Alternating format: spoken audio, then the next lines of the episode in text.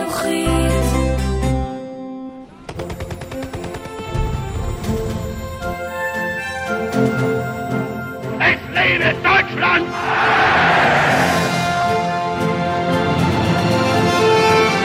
eyes of the world are upon you. We shall defend our island, whatever the cost may be. We shall never surrender.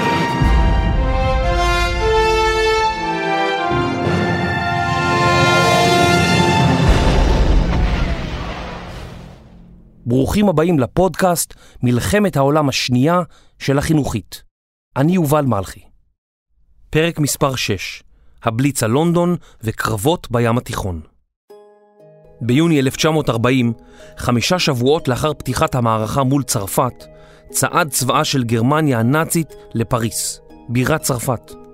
במלחמת העולם הראשונה הגרמנים נלחמו ארבע שנים ולא הגיעו לפריס. ואילו היטלר וצבאו, הוורמאכט, עשו זאת בחמישה שבועות ובמחיר אבדות נמוך באופן יחסי. עתה היה פנוי הצבא הגרמני להשתלט על האי הבריטי ולהכניע את האימפריה הבריטית. בידי היטלר היו כלים חדשים שלא היו בידיהם של מצביעים היסטוריים. מטוסים המסוגלים לטוס ולהפציץ את ערי בריטניה בעוצמה בלתי נתפסת. היטלר קיווה כי תוך זמן קצר, כפי שעשו הצרפתים, יבקשו הבריטים לסיים את המלחמה. אירופה, בקרוב, תהיה שלו.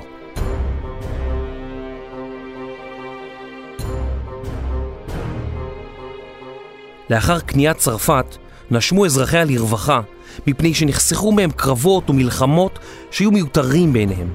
על בריטניה נגזר להילחם בגרמניה לבדה. היא עמדה לעשות זאת גם בעזרת הצי שלה, שברשותו היו יותר מ-140 ספינות מלחמה ו-25 צוללות, מול כ-70 ספינות מלחמה גרמניות וקרוב ל-20 צוללות. חשיבות עצומה נודעה לחופש השיט של הצי הבריטי בים התיכון, לאור היותו נתיב שיט מהודו, היהלום שבכתר הבריטי, וכן למקורות הנפט של המפרץ הפרסי.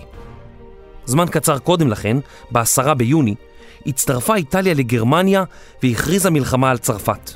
בריטניה חששה מהצי האיטלקי ששט בים התיכון ויכול היה לפגוע בספינות בריטיות. לאיטלקים היו שש ספינות קרב, מעל ל-100 צוללות ועוד כ-150 משחטות, סירות טורפדו וסיירות.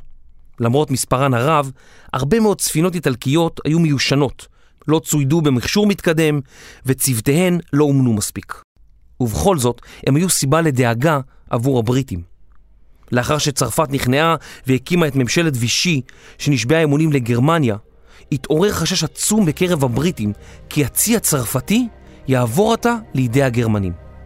לצרפת היה צי לא קטן של ספינות שהיו מפוזרות בנמלי אירופה והמזרח התיכון, כאשר הריכוז הגדול ביותר של ספינות מלחמה צרפתיות באותה העת הייתה השייטת בנמל מרס אל כביר באלג'יריה. צ'רצ'יל והבריטים לא היו יכולים להרשות לעצמם שהצי הצרפתי ייפול לידי הגרמנים, והחליטו לנסות לצרף את הספינות הצרפתיות לצי הבריטי במבצע קטפולט, או כף הקלע בעברית, שידוע היה העברה, כניעה או השמדה של השייטת הצרפתית שעגנה בנמל מרס אל כביר. במסגרת המבצע שלח צ'רצ'יל לאזור כוח משימה בריטי שהיה מורכב מספינות מערכה, ממשחטות קרב ומנושאת מטוסים ארק רויאל. הכוח הבריטי התקרב לאזור הנמל ב-2 ביולי 1940 והעביר למפקדי הצי הצרפתי אולטימטום. ייכנעו ושוטו בצוותים מדולדלים בעקבות הצי הבריטי, או שספינותיכם יוטבעו. מדהים לחשוב שעד אמצע יוני 1940 נלחמו הבריטים לצד הצרפתים, כתף אל כתף, ועתה, שבועיים מאוחר יותר, הפכו הצרפתים והבריטים לאויבים. האדמירל הבריטי קרא לעמיתו הצרפתי את האולטימטום של ממשלת בריטניה, שבו נכתב: אין זה אפשרי בעבורנו, חברכם עד עתה, לאפשר לספינותיכם הנאות ליפול לידי האויב הגרמני. עלינו להיות בטוחים שספינותיו הטובות ביותר של הצי הצרפתי לא ינוצלו כנגדנו על ידי אויבינו המשותף. האולטימטום הסתיים בדרישה בריטית. אם תסרבו להצעות ההוגנות הללו, אני חייב בצער עמוק לדרוש מכם להטביע את ספינותיכם תוך שש שעות. האדמירל הצרפתי, מרסל גנסול, שפיקד על השייטת הצרפתית, סירב להיענות לתנאים שהציבו הבריטים והחל למשוך זמן. הבריטים קלטו תשדורות על חוט, שמהן הובן כי שייטת ספינות צרפתיות עושה דרכה מאלג'יר לצורך תגבור. עתה היו הבריטים בבעיה. צ'רצ'יל, בהחלטה נועזת, הורה להשמיד את השייטת הצרפתית. צרפת, שהייתה ידידתה של בריטניה, בת בריתם במלחמת העולם הראשונה ובתחילתה של מלחמת העולם השנייה, הייתה כעת אויבת. השייטת הצרפתית כללה שתי ספינות קרב ישנות, שתי ספינות קרב מודרניות, נושאת מטוסים ושש משחטות, ספינות מלחמה קטנות יותר. הכוח הצרפתי היה פחות או יותר שווה כוח לזה הבריטי, אך הוא לא היה ערוך לקרב. למרות שהבריטים השתלטו על כל הספינות הצרפתיות שעגנו בנמלי בריטניה, בעיקר כי נסו מהאויב הגרמני, ולמרות שהבריטים חסמו את דרכם של ספינות צרפתיות בנמל אלכסנדריה שבמצרים, הצרפתים באלג'יריה לא ציפו שהבריטים יגיעו לביקור. הספינות הצרפתיות עגנו בנמל צר ולא היו יכולות להיכנס לפעולה מיידית. הספינות הבריטיות הראשיות, בעלות תותחי 15 אינץ' או 38 סנטימטרים, היו מסוגלות לראות פגזים כבדים יותר מאלו של הצרפתים. פגזי 15 אינץ' או 38 סנטימטרים הם בערך בקוטר הגה של מכונית. בשעה חמש אחר הצהריים פתחו הבריטים באש על הספינות הצרפתיות, ואלו השיבו אש, שלא הייתה יעילה. המטח השלישי של הבריטים פגע במחסן התחמושת של אחת מספינות המלחמה הצרפתיות, והיא התפוצצה וטבעה על כמעט אלף מלאכיה. שאר הספינות הצרפתיות חדלו לירות על הבריטים והחלו לשוט בליווי הבריטים לכיוון היבשה, עד שעלו על סרטון. בהפגזה הכבדה נפגעו או טובעו מרבית הספינות הצרפתיות, ורק מעטות הצליחו לחמוק ולברוח. בסך הכל, כ-1250 מלחים צרפתיים נהרגו בפעולה. הצרפתים ניסו לנקום בבריטים ושלחו מטוסים להפציץ ספינות בריטיות בגיברלטר. היחסים בין המדינות הפכו למתוחים ביותר. האדמירל הבריטי, ג'יימס סמרוויל, מפקד כוח המשימה הבריטי, לא היה מרוצה מהפעולה שגבתה חיים רבים כל כך. סמרוויל התנגד לפקודה כשקיבל אותה, ושלח מכתב למשרד הצי. אך הוא שוב קיבל הנחיות מפורשות לא לאפשר לצי הצרפתי ליפול לידיים גרמניות או איטלקיות. לאחר המקרה במרסל כביר, אמר סמרוויל כי הייתה זו השגיאה הפוליטית הגדולה ביותר של הזמנים המודרניים, וזו תרגיז את העולם כולו נגדנו. כולנו מרגישים בושה עמוקה. אך דעת הקהל העולמית הייתה שונה מזו של האדמירל הבריטי. תוך ימים ספורים הבינו מנהיגי המדינות ברחבי העולם כי לבריטניה יש מנהיג שאינו מפחד לעמוד ולפעול בנחישות מרבית, גם אם הפעולות הן נועזות וקיצוניות. אם לא היה זה ברור עד עתה, הפעולה במרסל כביר הוכיחה כי המלחמה הזאת עמדה להיות קשה ומכוערת.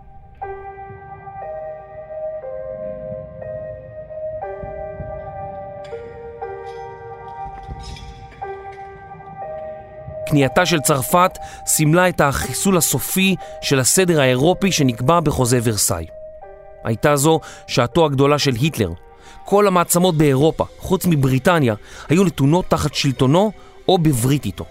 ולהיטלר ולעולם נדמה היה ששום כוח לא יוכל לעמוד מול מכונת המלחמה הגרמנית. לאחר נפילת צרפת ציפה היטלר שבריטניה תחתום עמו על חוזה שלום וכך תוכל האימפריה הבריטית להתקיים לצד האימפריה הגרמנית החדשה. היטלר ראה באימפריה הבריטית גורם חשוב בשיווי המשקל של העולם, אך צ'רצ'יל דחה את כל ההצעות של היטלר. לימים יאמר כי הפייסן הוא אדם שמאכיל את התנין ומקווה שהתנין יאכל אותו אחרון. השמדת השייטת הצרפתית הרתיחה את היטלר. צ'רצ'יל המשיך בנאומיו יוצאי הדופן שחיזקו את העם הבריטי ואת אזרחי המדינות הכבושות.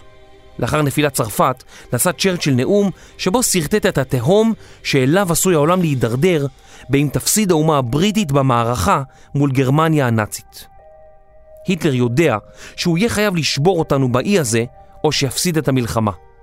אם נוכל לעמוד כנגדו, כל אירופה תוכל להיות חופשייה וחיי העולם יוכלו להתקדם לרמות נרחבות שטופות שמש.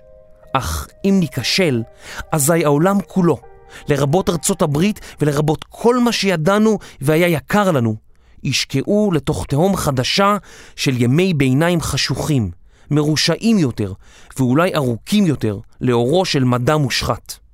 הבה נצא למלא חובתנו ונפעל כך שאם האימפריה הבריטית וחבר העמים שלה ישרדו לאורך אלף שנים נוספות, עדיין יאמרו האנשים, הייתה זו שעתם היפה ביותר. היטלר הבין כי הבריטים ימשיכו להילחם נגדו, למרות שראו מה מסוגלת מכונת המלחמה הגרמנית לעשות. באותם ימים הוא התלבט באם לנוע מזרחה או מערבה, כיוון שחשש גם מברית המועצות וגם מבריטניה. אך לאחר שראה כי הבריטים אינם מתכוונים לשבת בשקט, החליט היטלר לשבור את רוחם. באמצע חודש יולי הורה היטלר, בפקודה מספר 16, להתחיל להתכונן לכיבוש האי הבריטי.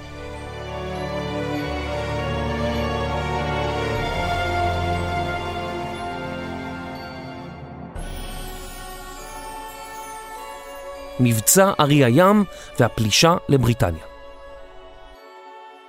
למבצע הפלישה לבריטניה ניתן שם הקוד ארי הים, סי ליין או זילובה בגרמנית. בפקודה שניסח היטלר נאמר כי מאחר ואנגליה, למרות מצבה הצבאי הנואש, עדיין אינה מראה שום סימן של נכונות להגיע לידי הסכם, גמרתי עומר להכין מבצע נחיתה נגד אנגליה, ובמידת הצורך להוציאו אל הפועל. מטרת המבצע למנוע מארץ האם אנגליה לשמש בסיס להמשך המלחמה נגד גרמניה, ואם יהיה צורך בכך, לכבוש אותה כולה. היטלר רצה לכבוש את בריטניה ולגרום לאזרחיה להסכים לסיום המלחמה, כפי שעשה בצרפת. אם יצליח, תהיה האימפריה הגרמנית הגדולה ביותר מאז ומעולם בהיסטוריה העולמית. אבל הפקודה לא הייתה פקודה רגילה מפי היטלר. היה משהו הססני בתוכן הפקודה. אם יהיה צורך בכך, במידת הצורך, מכאן אפשר ללמוד כי למרות שהיטלר לבטח היה מאושר לכבוש את האי הבריטי, הוא לא התכוון באמת לממש את הפלישה בשלב זה. תוכניות הפלישה שהכינו אנשי הצבא כללו כוח בעל כמאה אלף איש, שינחת בנקודות שונות ברחבי האי. על הכוחות יהיה לכתר את לונדון ולכבוש נמלים אסטרטגיים לאורך החוף הבריטי. על הנייר הייתה זו תוכנית טובה. הצבא הגרמני היה חזק ומנוסה בעקבות ניצחונותיו בפולין, בנורבגיה, בדנמרק, בהולנד, בבלגיה ובצרפת. ואילו הצבא הבריטי היה מותש בעקבות הפסדיו האחרונים. במסגרת הפינוי החפוז של החיילים מדנקרק, נטש הצבא כמויות אדירות של ציוד צבאי, משאיות, תותחים וטנקים, כך שלא נותרו בידיו כלים משמעותיים להתמודד מול האיום הגרמני על ציודו. חיל האוויר המלכותי הבריטי גם הוא לא נחשב חזק במיוחד, והמטוסים הגרמניים היו עדיפים מבחינה טכנית. רק הצי הבריטי היווה אתגר משמעותי, כיוון שהיה גדול וחזק יותר מהצי הגרמני, ובעל מסורת לחימה לאורך מאות שנים. החשש מפני הפלישה חדר לאיים הבריטים. הבריטים לא היו שאננים והקצו כוחות משמעותיים להגנה על החופים. אנשים החלו לעקור תמרורים ושלטי דרכים כדי להקשות על הגרמנים במידה ויגיעו אל האי. לעתים קרובות התריע צ'רצ'יל מפני סכנה שכזאת, כדי להעיר את העם הבריטי משלוותו. בעצמו הוא לא היה מודאג במיוחד מפני שהאמין כי פלישת הגרמנים לבריטניה בכוח גדול משולה להתאבדות, שכן היא תצריך כמויות של אוניות גדולות, אך הורגות בהרבה מאלו המצויות בידי גרמניה. לאור אלף ספינות הסיור החמושות הבריטיות המפליגות בים, לא יוכלו הגרמנים להפתיע את הבריטים ולהסתיר מבצע זה מעיניהם. ואם בכל זאת מבצע כזה יצא לפועל, יהוו ספינות התובלה טרף קל לצי הבריטי. צ'רצ'יל האמין כי גם אם ינחתו הגרמנים על החוף ויתפסו עמדות, יוכלו הצי וחיל האוויר הבריטי לסכלם מיד ולנתק את הפולשים ממקורות האספקה והתחמושת. קשיים אלה הצטרפו לבעיית תנאי הגאות והשפל בזמן נחיתה על החופים, אשר מחייבים נחיתה במספר גלים בהפרשי זמן שונים. לכן סבר צ'רצ'יל כי נחיתה שכזו כמעט בלתי מציאותית, והוא אף הורה לדלל את כוחות הקרקע המפטרלים על החופים. ראשי הצי והצבא הגרמניים לא התעלמו מסיכונים אלה, וידעו כי תנאי חשוב להצלחת התוכנית הוא שליטה אווירית מוחלטת. היטלר הורה להרמן גרינג, מפקד הלופטוואפה, לבטוח במבצע להשמדת חיל האוויר המלכותי הבריטי ככוח לוחם. כך החל הקרב על בריטניה.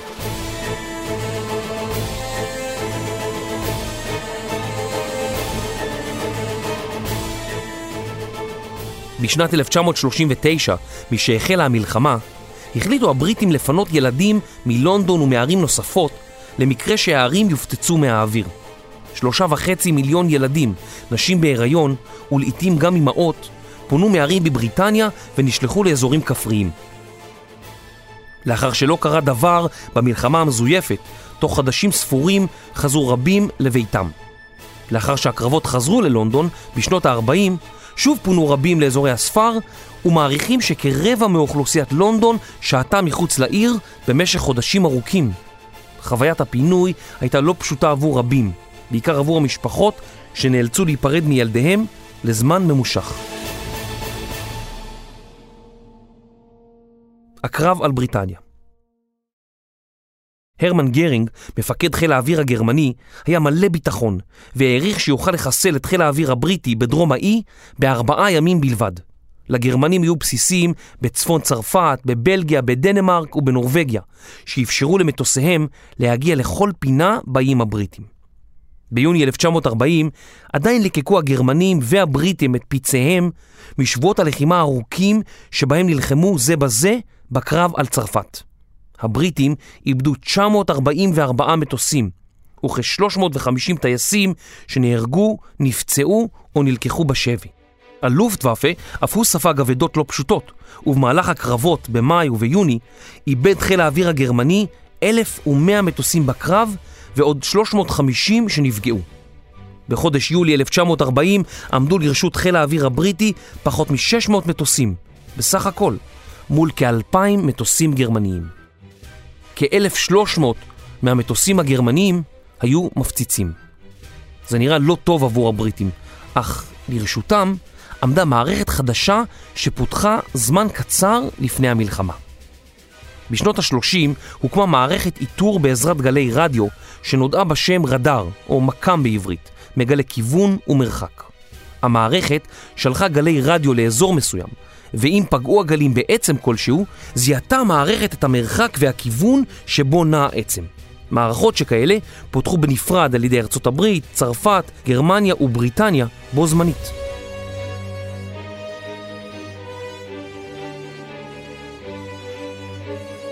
בשנת 1939 נפרסה בבריטניה שרשרת של 30 מקאמים לאורך החוף המזרחי של האיים הבריטים, והיא כללה תחנות מקאם למרחקים גדולים, לצד תחנות מקאם בעלות אנטנות סובבות, אשר כיסו פחות שטח אווירי, אך נתנו כיוון מדויק יותר, ואפשרו זיהוי עצמים בגבהים נמוכים.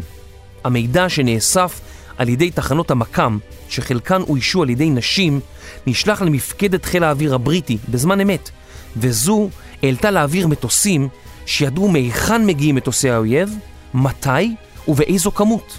המקאם ביטל את טיסות הסיור הרבות שהיו נחוצות כדי ללמוד על אויב מתקרב, ובכך הקנו לבריטניה יתרון בקרב על האיים.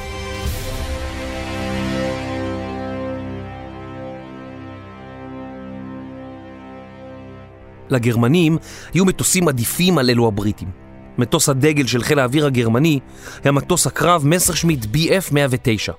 המטוס היה מהיר במיוחד והתאים לאסטרטגיית הבליצקריג הגרמנית, אך טווח הטיסה שלו היה מוגבל. חיסרון נוסף של המסרשמיט 109 היה מיגון לקוי של תא הטייס, וכתוצאה מכך נהרגו טייסים רבים מרסיסי פגזים או מכדורים שחדרו למטוס. מטוס קרב נוסף היה המסרשמיט BF-110. המטוס הוצב כמענה לדרישת הלופטוואפה למטוס קרב דו-מושבי ודו-מנועי, בעל יכולת ללוות מפציצים לטווחים ארוכים. ה-BF-110 היה בעל יכולת תמרון ותאוצה נמוכים, ולכן היה טרף קל למטוסי יירוט קלים וזריזים מצד האויב. עד מהרה נאלץ פיקוד הלופטוואפה להקצות יחידות של מטוסי ה-BF-109 כדי להגן על המסרשמיט BF-110. אל מול המסרשמיט העלה חיל האוויר הבריטי לזירה את מטוס הספיטפייר המשופר, שהיה מסוגל לטוס במהירות של קרוב ל-600 קמ"ש. הספיטפייר המשופר היה מטוס בעל כושר תמרון גבוה, שקול בערך בביצועיו לאלו של יריבו העיקרי, המסרשמיט 109. לשניהם היו יתרונות וחסרונות. בעוד לספיטפייר הבריטי היה רדיוס פנייה טוב יותר, למסרשמיט הגרמני היה קצב טיפוס לגובה טוב יותר. הספיטפייר עבר שלבי פיתוח ארוכים למדי, ורק בחודש יוני 1940 החל ייצורו הסדרתי של המטוס, וחיל האוויר קיבל את עשרת המטוסים הראשונים. עד סוף המלחמה ייבנו יותר מ-12 אלף מטוסי ספיטפייר. המפציצים הגרמנים נחלקו לשני קבוצות. השטוקה היה מפציץ צלילה אימתני, בעל סירנה, שנקראה למרבה האירוניה שופרות יריחו. על אף היותם מדויקים מאוד ביעדי הפצצה, השטוקות היו איטיים, ונאלצו לטוס נמוך יחסית כדי שיוכלו לאתר ולתקוף את מטרותיהם ביעילות. עובדה שהפכה אותם לפגיעים מאוד לאש נ"מ, או אש נגד מטוסים. תקיפותיהם התרחשו בעיקר בשלב הראשון של המערכה האווירית. במהלך המלחמה יוצרו יותר מ-15 אלף מפציצים שכאלו על ידי הגרמנים. המפציצים הכבדים יותר, האינקל 111 והדורניר, החלו את דרכם בתור מטוסים אזרחיים, אך בשנות ה-30 הוסבו למפציצים כבדים. היו אלה מטוסים גדולים ומהירים שהפציצו את מטרותיהם מגובה רב יחסית, ולכן קשה היה להפיל אותם. לעומת זאת, בגלל שהטילו פצצות מגובה רב, הם היו פחות מדויקים. במקרה שספגו המפציצים אש נ"מ כבדה, היה מבנה המפציצים מתפזר ומתחיל לטוס בזיגזג על מנת להקשות על פגיעה. כאשר הותקפו על ידי מטוסי הקרב הבריטים, הייתה התגובה הגרמנית הפוכה, והמפציצים התקבצו כדי לחפות זה על זה בעזרת המקלעים הרבים שלהם. חיל האוויר המלכותי הבריטי, בפיקודו של מרשל האוויר סר יו דאודינג, מנה ערב הקרב על בריטניה פחות מ-600 מטוסי קרב בסך הכל, מתוכם כ-500 מטוסי הוריקן וספיטפייר. ההוריקן נכנס לשירות בשנת 1937 והיה מטוס הקרב העיקרי בקרב על בריטניה. הוא היה מסוגל לירות בעוצמה ולספוג יריות רבות בטרם יצא מכלל שימוש. תא הטייס שלו היה מרווח ודרכו ניתן היה לראות את שדה הקרב בצורה ברורה. יתרון עצום לטייסיו. מטוס הספיטפייר הבריטי היה מטוס מיוחד שטייסיו התאהבו בו. הוא היה מטוס יפה ומצויד במנוע רולס רויס, והיה לו יתרון מהירות על פני המסרשמיט הגרמני בגבהים שלא עלו על שישה קילומטרים. לבריטים חסרו טייסים וצוותי אוויר רבים שנהרגו או נפלו בשבי בקרבות מעל צרפת. אולם הם קיבלו חיזוק של מאות טייסים ממדינות אחרות, בעיקר מפולין, וגם ממדינות שהזדהו עם הכתר הבריטי, כקנדה, אוסטרליה ודרום אפריקה. הפולנים סיפקו את רוב צוותי האוויר והקרקע, מעל 8,000 איש, שהשתוקקו להילחם ולנקום בנאצים על מה שעוללו לארצם שנה קודם לכן. בתחילה התקשו הפולנים להתרגל לאוכל הבריטי המזעזע, אולם קבלת הפנים שבה נתקבלו באנגליה בקריאות תחי פולין, נחמה אותם. הם התגלו כטייסים אמיצים ומקצועיים ואף הנחילו לחיל האוויר הבריטי מספר טקטיקות של לוחמה אווירית.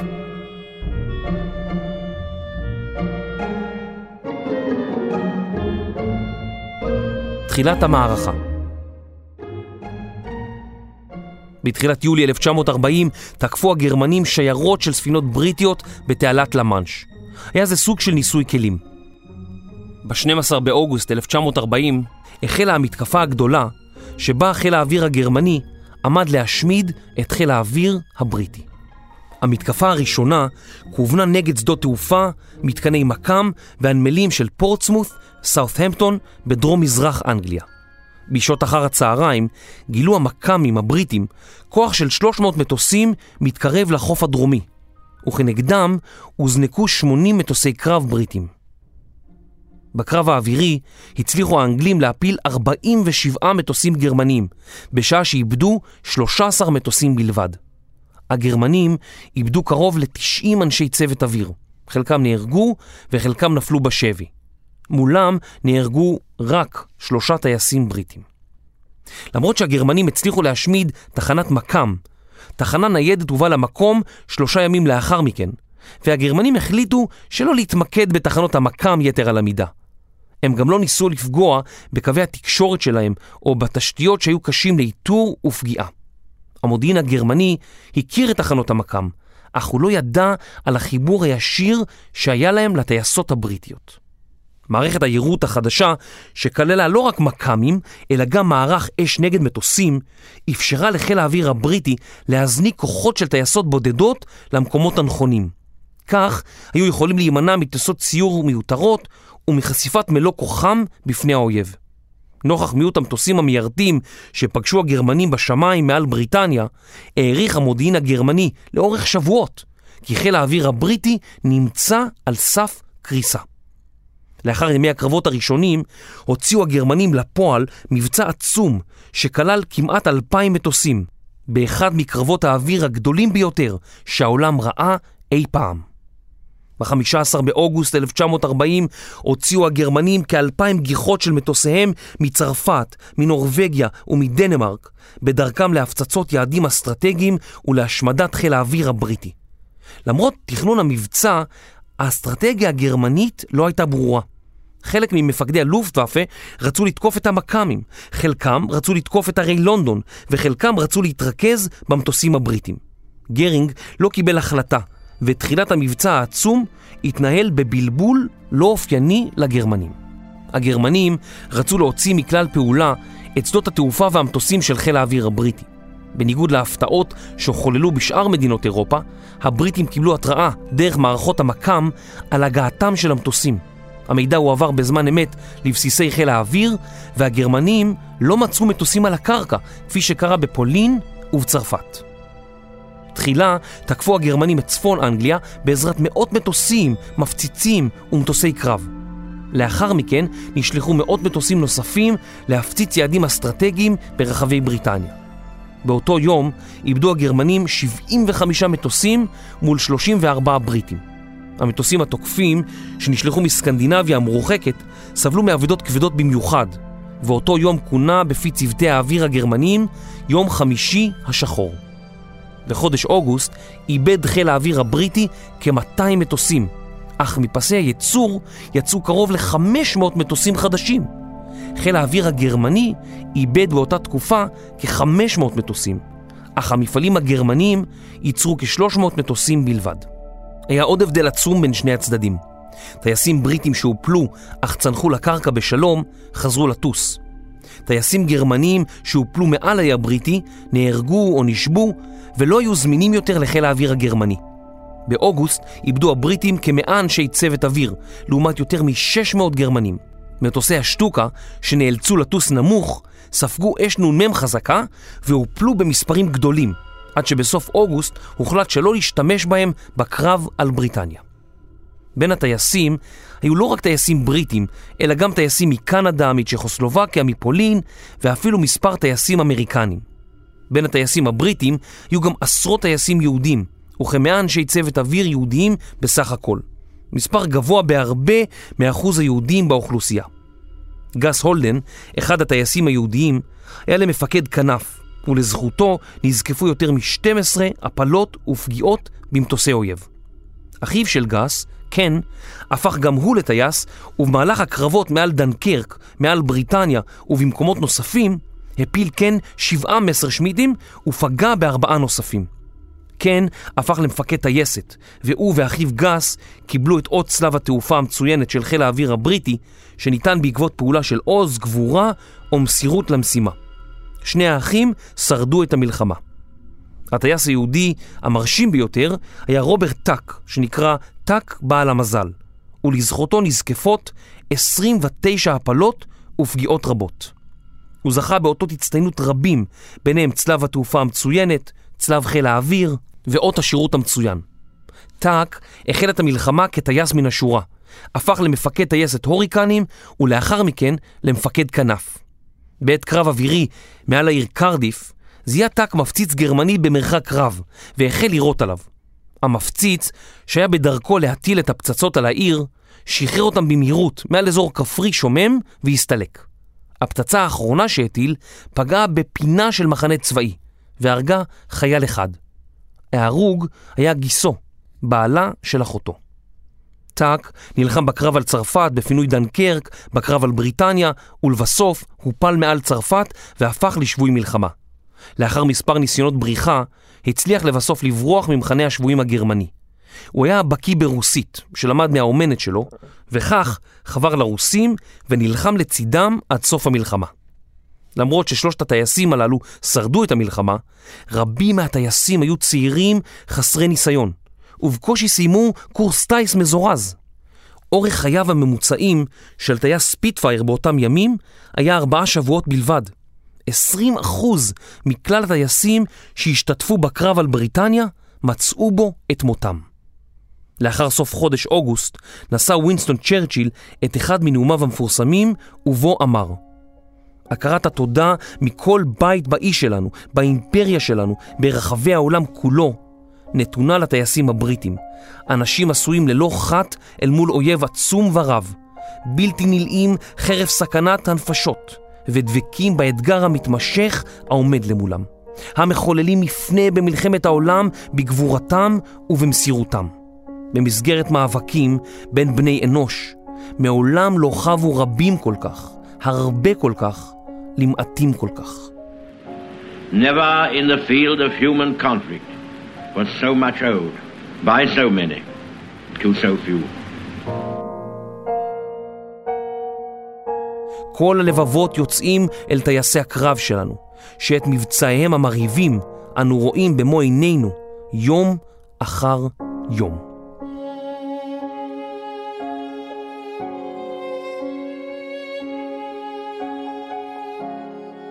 הקרבות מעל בריטניה, שנראו לעיני הצופים על הקרקע, המשיכו גם בחודש ספטמבר. בשבועיים הראשונים איבדו הגרמנים קרוב ל-200 מטוסים, מספר רב יותר מאשר המפעלים הגרמנים הצליחו לייצר. בעוד הבריטים איבדו במערכה כולה כ-1,500 אנשי צוות אוויר, הגרמנים איבדו קרוב ל-3,000 טייסים מיומנים. היה זה אסון לגרמניה. בחודשים אוגוסט וספטמבר, חודשי הלחימה העיקריים, איבדו הבריטים מעל 700 מטוסים, לעומת 2,000 מטוסים של הגרמנים. לאחר שמפציצים גרמנים החלו להטיל פצצות על מפעלים בפרברים של לונדון, מה שגרם גם לאובדן חייהם של אזרחים, החליטו הבריטים כי עליהם להכאיב לגרמנים באותה המידה. ב-25 באוגוסט שלחו הבריטים 81 מפציצים בדרכם להפציץ מפעלים ובתי חרושת בברלין. וויליאם שירר, כתב צבאי אמריקני בברלין, חזה בהפצצה הבריטית וכתב הברלינאים היו בהלם. הם לא חשבו שדבר כזה יכול לקרות. כשהמלחמה החלה, גרינג הבטיח להם שזה לא יקרה. הברלינאים הם אנשים פשוטים ונאיבים, הם האמינו לו. צריך היה לראות את הפנים שלהם כדי להבין. רק שלושה ימים קודם לכן הודיע גרינג כי אם הסירנות יישמעו, אין צורך לרדת למרתפים, אלא רק אם שומעים תותחי נ"מ מקרוב. הגרמנים היו בהלם. הייתה זו פגיעה קשה ביוקרתו של גרינג, שהתרברב כי אם יגיעו מטוסים בריטים לברלין, אין לקרוא לו גרינג, כי אם בשם היהודי מאייר. ב-7 בספטמבר 1940, כתגובה להפצצה הבריטית, פשטו באמצע היום 348 מפציצים, מלווים בכ-600 מטוסי קרב, שהפציצו את רציפי הנמלים בלונדון ואת מצבורי הדלק. באותו לילה יותר מ-300 מפציצים נוספים חגו מעל העיר והטילו עליה 300 טון של פצצות ופצצות תבערה. פצצות התבערה מולאו בכימיקלים שנשרפו בתוך מספר דקות בחום אדיר והציתו כל דבר שהיה בקרבתן. הפצצות הללו גרמו לשריפות שלעיתים כילו אזורים שלמים. הנזק היה מחריד, משפחות שלמות נעלמו בן רגע. ומנקודות תצפית גבוהות היה נדמה כי לונדון כולה עולה באש. במתקפה של השבעה בספטמבר, אש הנ"מ הבריטית הצליחה להפיל רק מפציץ אחד מתוך מאות המפציצים שחגו מעל לונדון באין מפריע. הגרמנים סברו שתהיה זו טקטיקה מוצלחת לתקוף בכמויות עצומות שחיל האוויר הבריטי לא היה מסוגל להתמודד מולן. בימים הבאים נאלצו מטוסי הקרב הגרמניים המסר שמיטים שליוו את המפציצים לחזור על עקבותיהן בעקבות רוחות חזקות שגרמו למלאי הדלק שלהם לאזול מוקדם מהצפוי. מאות מטוסים בריטים קיבלו התראה מהמכ"מים על בואם וקידמו את פני המפציצים.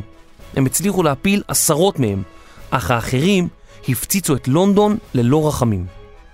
ב-15 בספטמבר שני גלי תקיפה עצומים של הגרמנים נהדפו על ידי חיל האוויר הבריטי. 60 מטוסים גרמניים מול 26 מטוסים בריטים הופלו. היטלר הבין כבר בחודש ספטמבר כי למרות שראשי הלופטוואפה טענו בלהט כי חיל האוויר הבריטי נמצא על ברכיו, כפי הנראה אין הדברים נכונים, וללא שליטה בשמיים הגרמנים לא יוכלו לפלוש אל האיים. ב-15 בספטמבר ביטל היטלר את התוכנית לכיבוש בריטניה. אותו תאריך, ה-15 בספטמבר, נבחר לציון יום הקרב על בריטניה. היטלר התאכזב מאוד מכך שחיל האוויר שלו לא הצליח במשימתו. הוא הבין כי לא יוכל לכבוש את בריטניה כפי שכבש את צרפת. הקרב על בריטניה היה קריטי, מפני שאם היו הגרמנים משמידים את חיל האוויר הבריטי, ייתכן וגורמים בריטים היו מבקשים לשים קץ לקרבות כפי שקרה בצרפת. היטלר החליט להחליף טקטיקה. במקום להכניע את בריטניה על ידי השמדת חיל האוויר שלה, נמליה ומצבורי הדלק שלה, הוא יכניע את בריטניה כפי שיכניע את ורשה ורוטרדם. הוא יפציץ את לונדון הבירה עד שתהפוך לגל אבנים.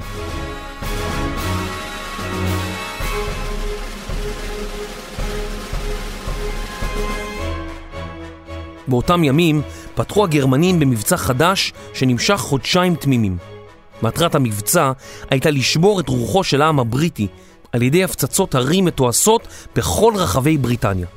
בין אמצע ספטמבר לאמצע נובמבר הופצצה לונדון כל לילה, חוץ מעשרה לילות בודדים. כ-13 אלף טון פצצות וכמיליון פצצות תבערה הושלכו על לונדון במהלך התקופה. הם גרמו לנזקים אדירים ולשריפות ענק שהשתוללו במשך שעות ארוכות. הגרמנים הפציצו גם את ארמון בקינגהם, שם התגוררה המשפחה המלכותית, המלך ג'ורג' השישי והמלכה אליזבת.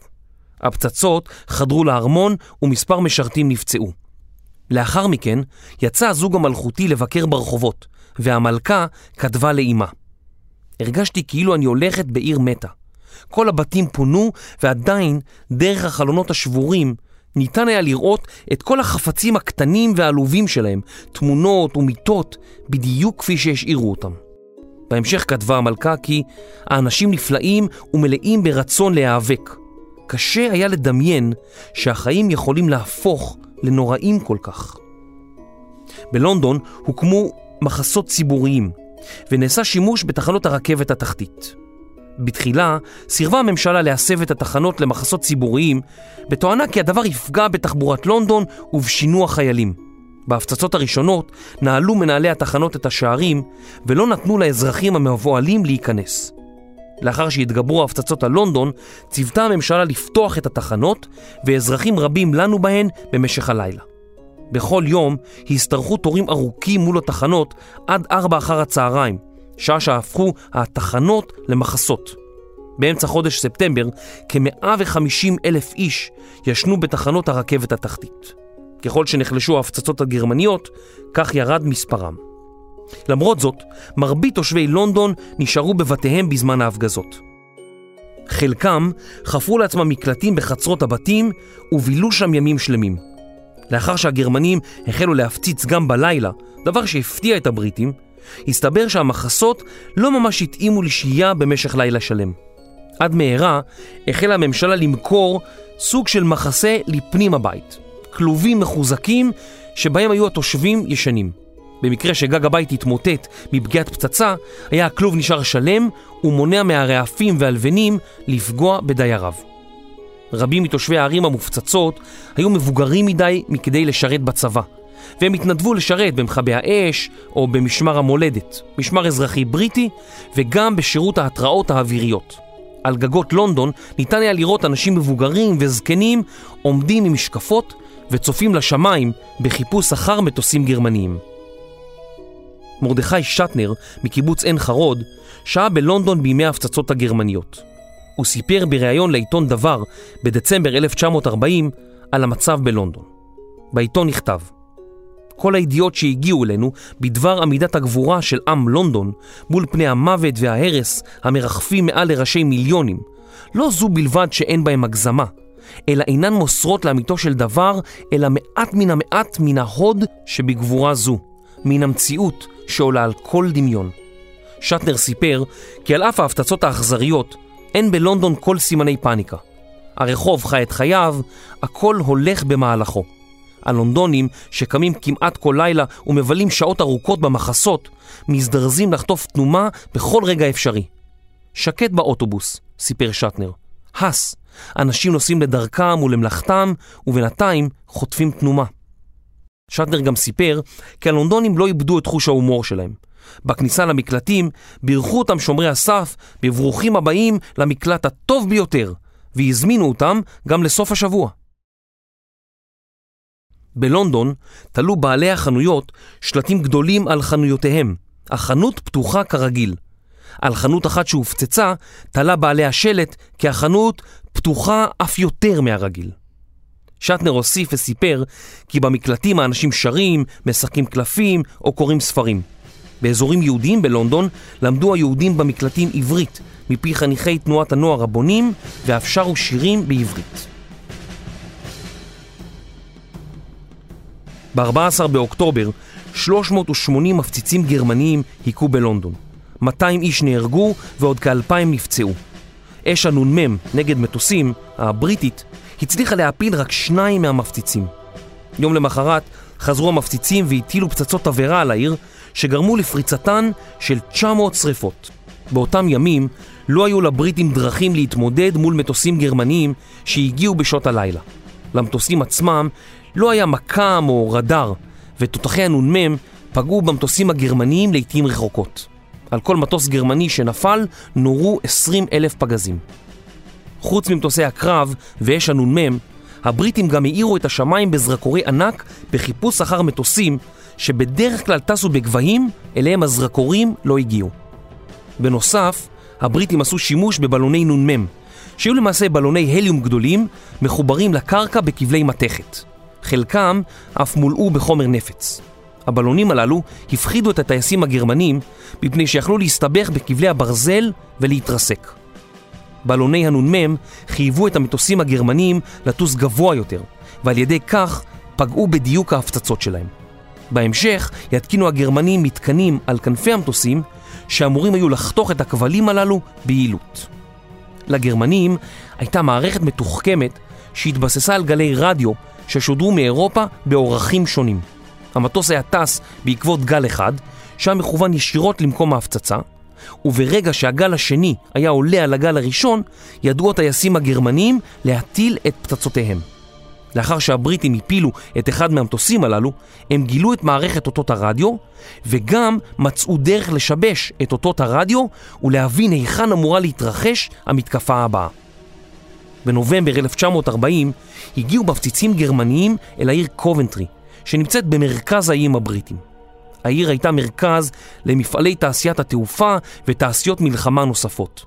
המפציצים הטילו פצצות תבערה על מרכז העיר והוא החל לבעור. השריפות הרבות סימנו לגל המטוסים הבא כ-500 מפציצים היכן נמצא מרכז העיר.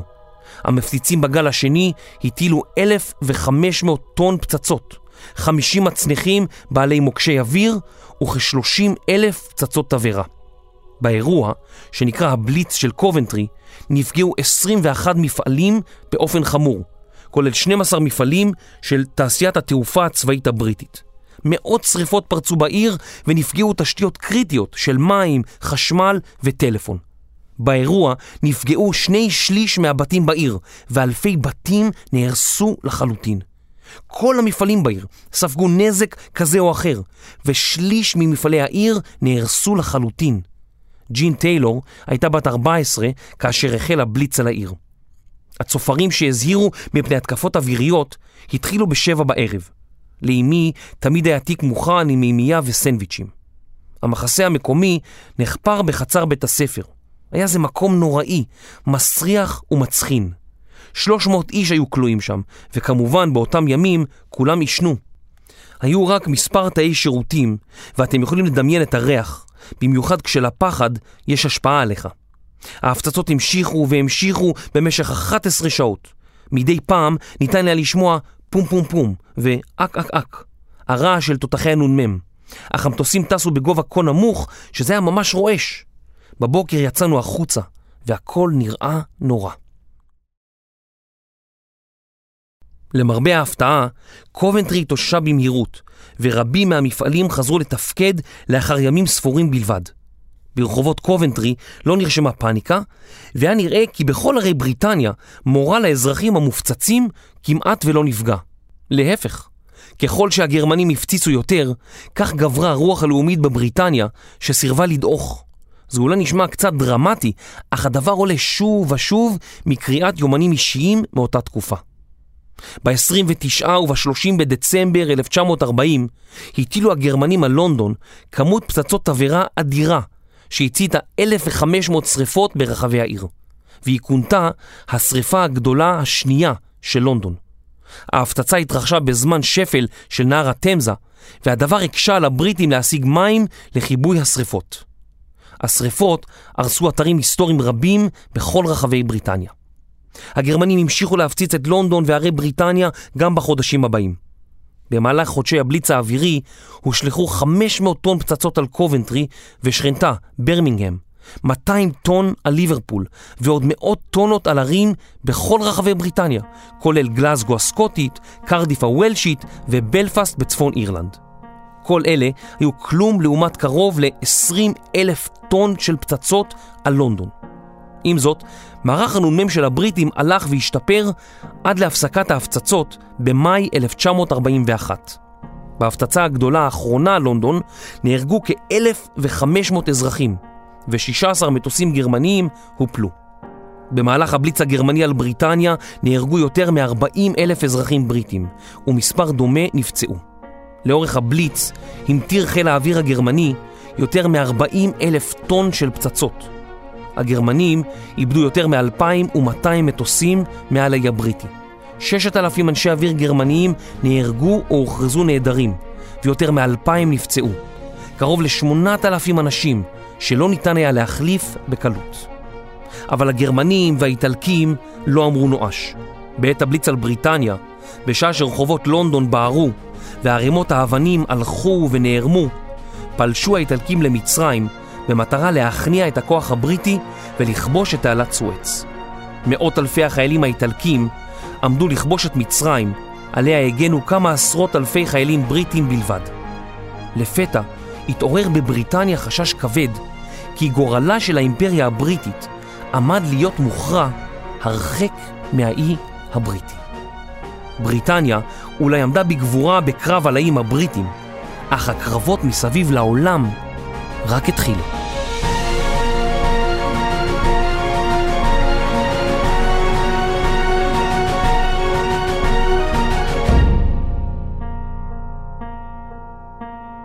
פרק מספר 6 המלחמה פורצת במלואה.